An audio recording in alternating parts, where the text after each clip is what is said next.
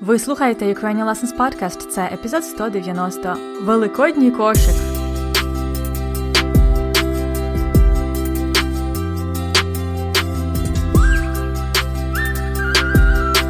Привіт-привіт! Це Анна і новий епізод подкасту Уроки української. Це подкаст для всіх, хто вивчає і любить українську мову.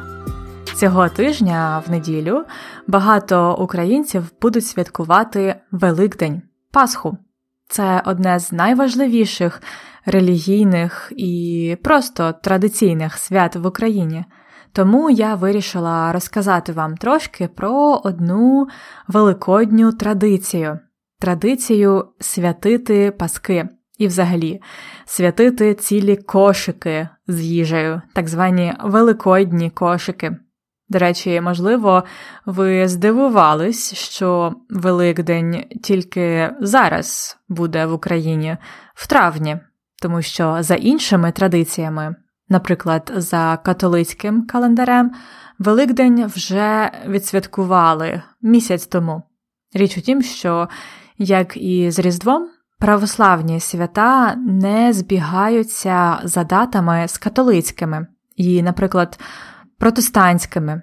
Зазвичай різниця складає один тиждень, тобто спочатку католицький Великдень, а тоді через тиждень православний.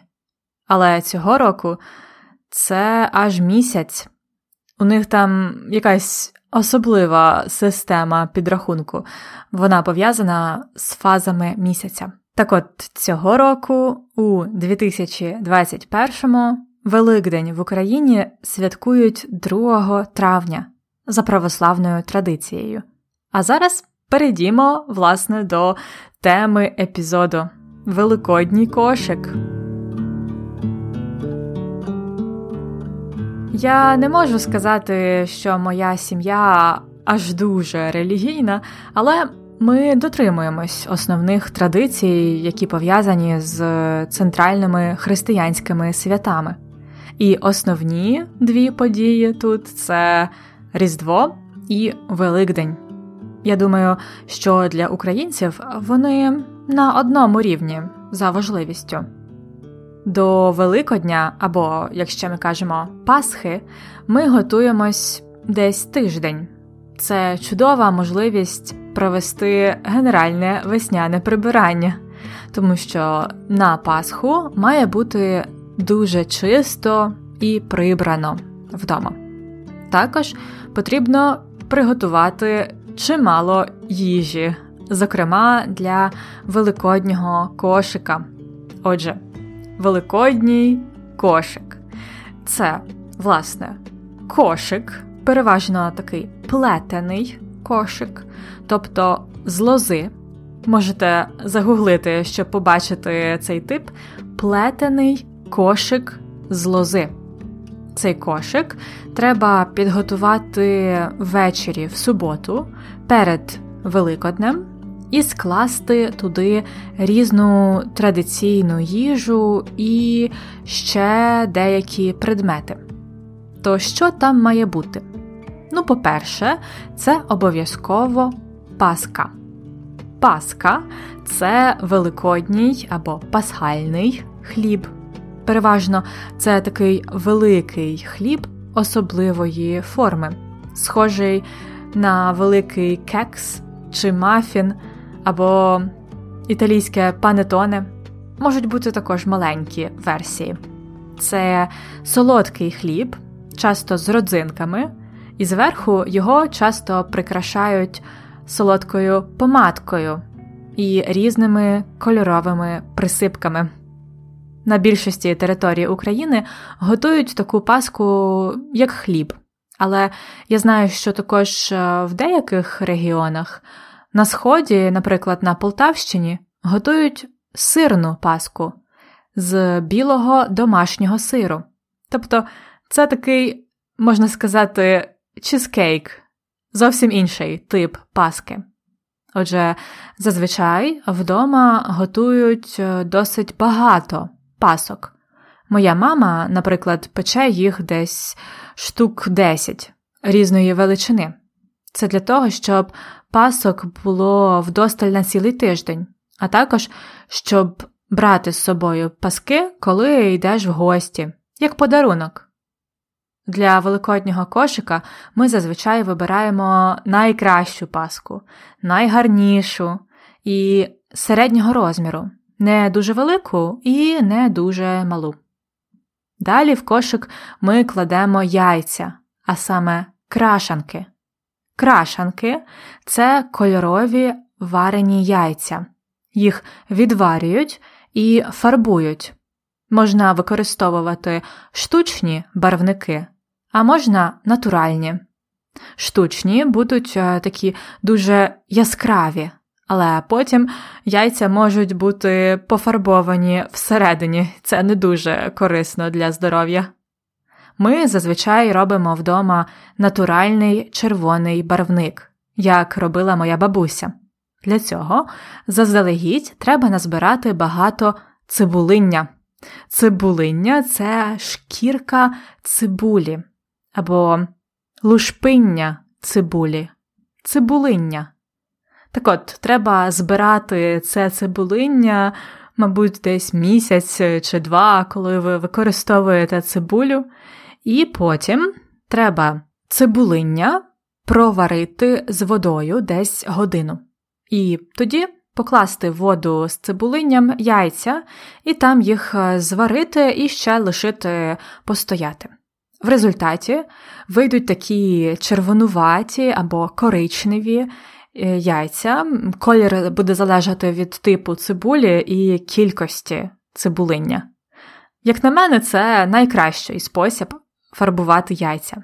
Також є інші рецепти натуральних барвників, наприклад, е, куркума для жовтого кольору. Але цибулиння мені найбільше подобається. Так от такі яйця фарбовані називаються крашанки, а є ще писанки, можливо, ви бачили їх чи чули. Це яйця, які порожні всередині, і які дуже гарно розмальовані орнаментами, візерунками. Це велика частина української традиції писанки. Так от е, яйця ми зазвичай фарбуємо в суботу, вже коли все поробили, коли закінчили готувати і прибирати, ми фарбуємо яйця. У нас сім'я невелика, то ми фарбуємо штук 20 яєць. І кілька з них кладемо в кошик. Крім того, у кошик кладемо одне яйце без шкарлупи, тобто просто варене біле яйце без шкарлупи. Це буде яйце, яке ми будемо їсти зранку насамперед. Отже, паска і крашанки це основні обов'язкові елементи кошика. Далі може залежати від традицій, від сім'ї. Ми, наприклад, в кошик кладемо разом з яйцем без шкарлупи також шматочок домашнього сиру і шматочок масла. Дуже добре, якщо масло теж домашнє, тобто зроблене вдома, а не куплене в магазині. Ми взагалі майже ніколи самі не робимо масло, але пам'ятаю, що на Великдень іноді робили саме для кошика. Далі в кошик кладемо шматочок шинки і кільце ковбаски. На Великдень домашня шинка і домашня ковбаса це основні м'ясні страви, які ми також готуємо самі вдома. Для цього треба купити хороше м'ясо, свинину, підготувати його і запекти. З шинкою все зрозуміло, треба просто запекти шматок м'яса, а з ковбасою все складніше, я думаю, бо я сама раніше ніколи не готувала ковбасу, це тільки бабуся чи мама. Але в результаті виходить дуже ароматна, смачна ковбаса, як ми кажемо, домашня ковбаса. Отже, шинку і ковбасу кладуть у кошик, і також можна покласти ще будь-яку їжу, яку готували. Дехто кладе фрукти, а крім їжі, у кошик ставлять свічку, Це буде потрібно для ритуалу освячення в церкві. Інколи кладуть також квіти, прикрашають гарненько кошик. Ну і накривають кошик найкращим гарним рушником, який є вдома. Це часто вишитий рушник, інколи спеціально навіть вишитий саме для великоднього кошика. На рушнику, наприклад, може бути написано Христос Воскрес. Це традиційне вітання на Пасху. Інколи ці слова вишивають на рушнику. Далі великодній кошик ще треба посвятити.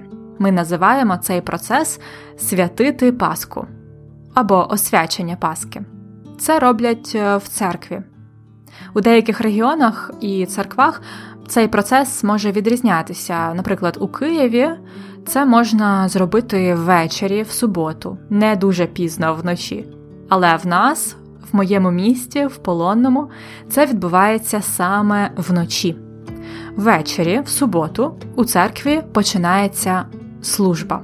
І ця служба закінчується аж під ранок, десь о 5-6 годині.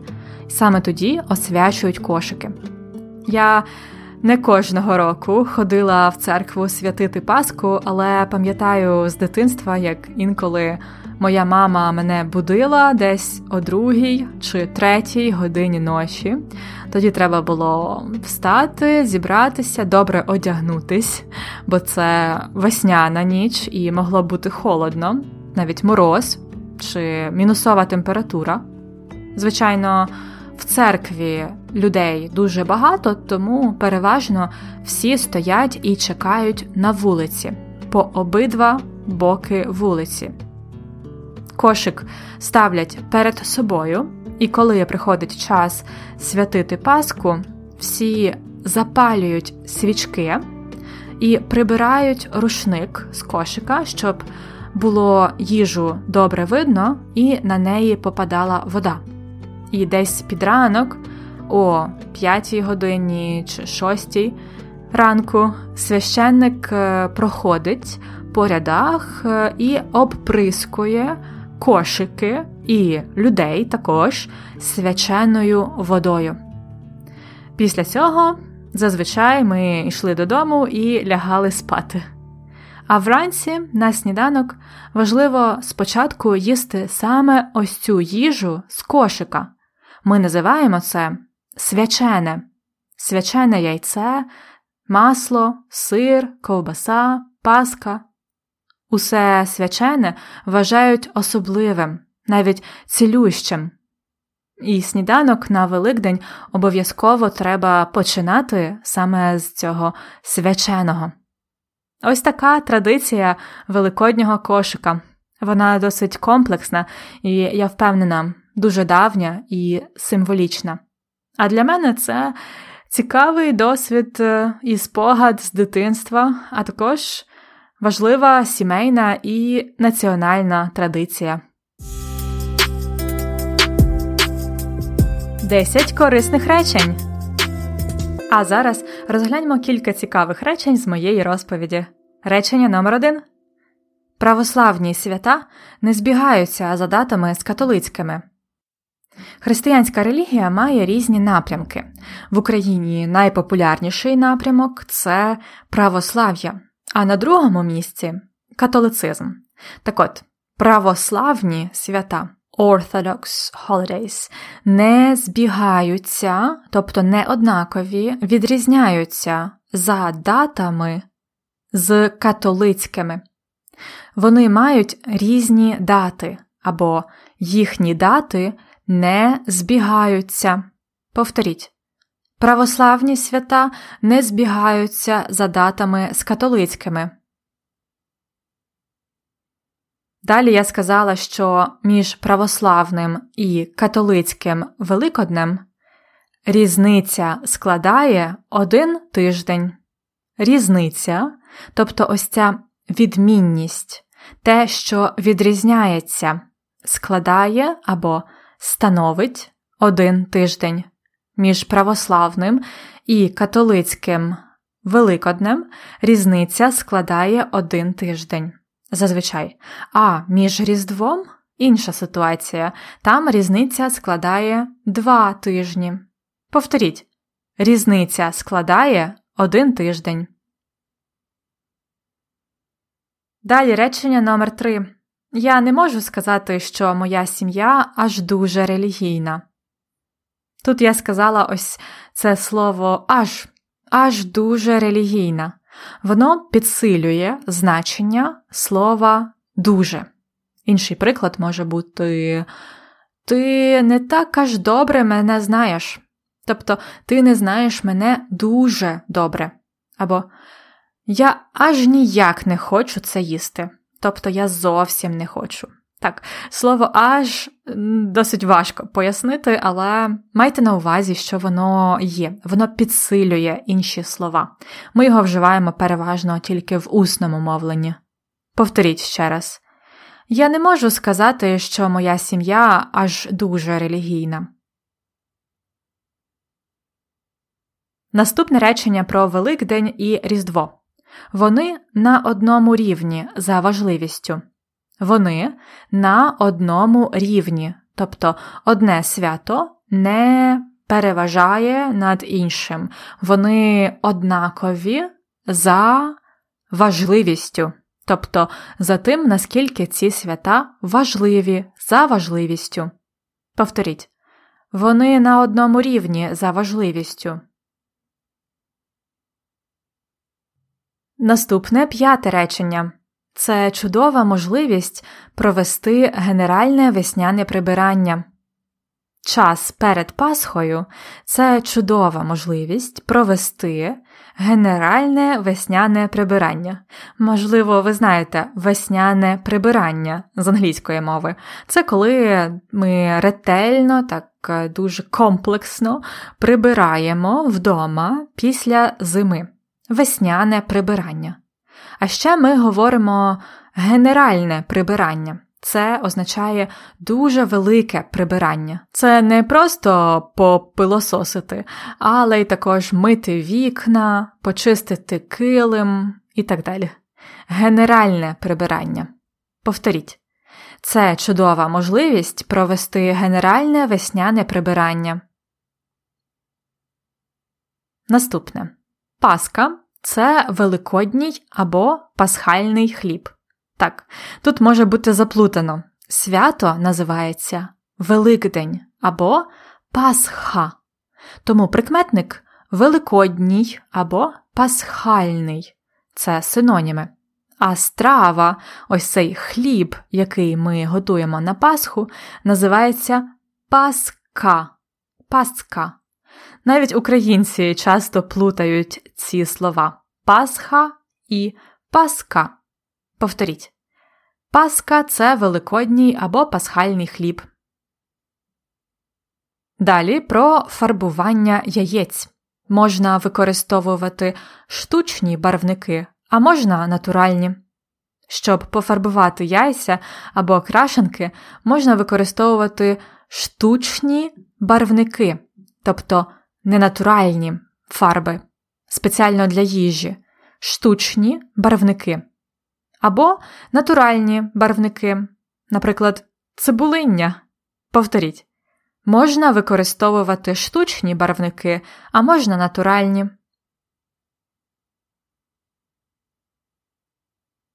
Речення номер 8. Ми фарбуємо штук 20 яєць. Штук 20 яєць. Це означає приблизно 20. Не точно, приблизно. Ми часто так говоримо про кількість, наприклад, купи кілограми 3 м'яса, тобто приблизно 3 кілограми. Ми ставимо ось цей іменник перед кількістю кілограми 3. Або повторюю цю вправу разів 20. Приблизно 20 разів треба повторити вправу. Повторіть речення. Ми фарбуємо штук 20 яєць. Наступне речення. Далі в кошик кладемо шматочок шинки і кільце ковбаски. Шматочок шинки це маленький шматок шинки, а шинка це хем. А кільце ковбаски це дуже гарно звучить, по-моєму. Кільце ковбаски це ось ця домашня ковбаса. Її печуть е, таким кільцем, тобто колом, не горизонтально, а як коло, кільце. Тому ми кажемо кільце ковбаски. Ковбаска це зменшувальна, можна сказати, така ніжна форма до слова ковбаса. Повторіть. Далі в кошик кладемо шматочок шинки і кільце ковбаски. І останнє речення. Усе свячене вважають особливим, навіть цілющим. Свячений це дієприкметник, утворений від дієслова святити, який свячений або освячений. Усе свячене вважають, тобто люди вважають особливим, навіть цілющим.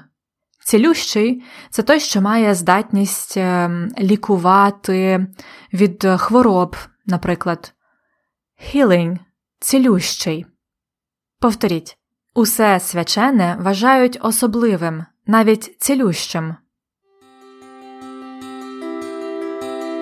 Якщо ви теж святкуєте зараз Пасху, гарного вам Великодня!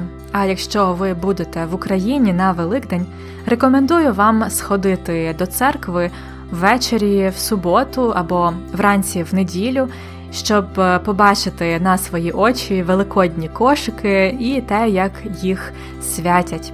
Як завжди, конспект з транскриптом і вправами доступний для наших преміум підписників. І також цього разу ми надсилаємо всім преміум підписникам колоду карток Анкі з корисними реченнями за останні 10 епізодів. Ви можете дізнатися більше про преміум за посиланням ukrainianlessons.com риска епізод 190 ukrainianlessons.com slash episode 190 Всього вам найкращого і гарного дня! На все добре!